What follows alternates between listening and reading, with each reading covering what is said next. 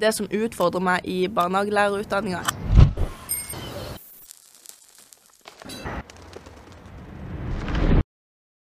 er å få teorien som jeg lærer, ut i praksis.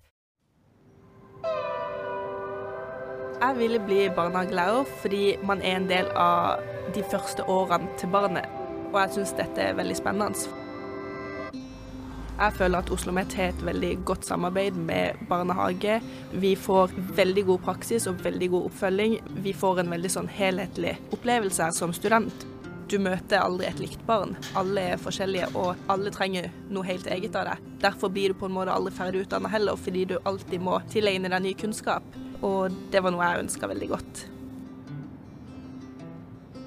En opplevelse fra praksis som har gjort et inntrykk på meg, var at eh, min første praksis, hvor jeg var på en småbarnsavdeling Etter å ha vært på starten, så var det ikke så mange barn som ville komme frem til meg. Men på slutten av min praksisperiode så kom hele den avdelingen og andre barn fra andre avdelinger løpende til meg hver gang jeg kom på praksis. Det gjør et smil rundt min munn også. En vanlig uke som student her på barnehagelærerutdanninga har vi gruppesamarbeid der vi snakker sammen i kollokviegruppe. Vi har presentasjoner, og vi legger fram ulike tanker og meninger.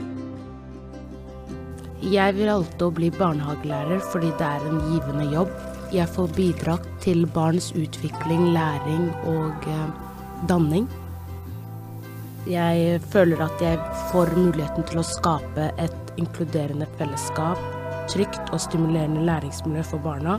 En annen ting er at det er en givende jobb som gir meg muligheten til å være kreativ, inspirerende, og at jeg får bidratt i samfunnet på en meningsfull måte. De jeg anbefaler å søke til barnehagelærerutdanninga, er de som har den lille ekstra omsorgen i seg, men samtidig har en ledertype som klarer å ta hånd om ulike situasjoner, bistå til hjelp i familie som trenger det.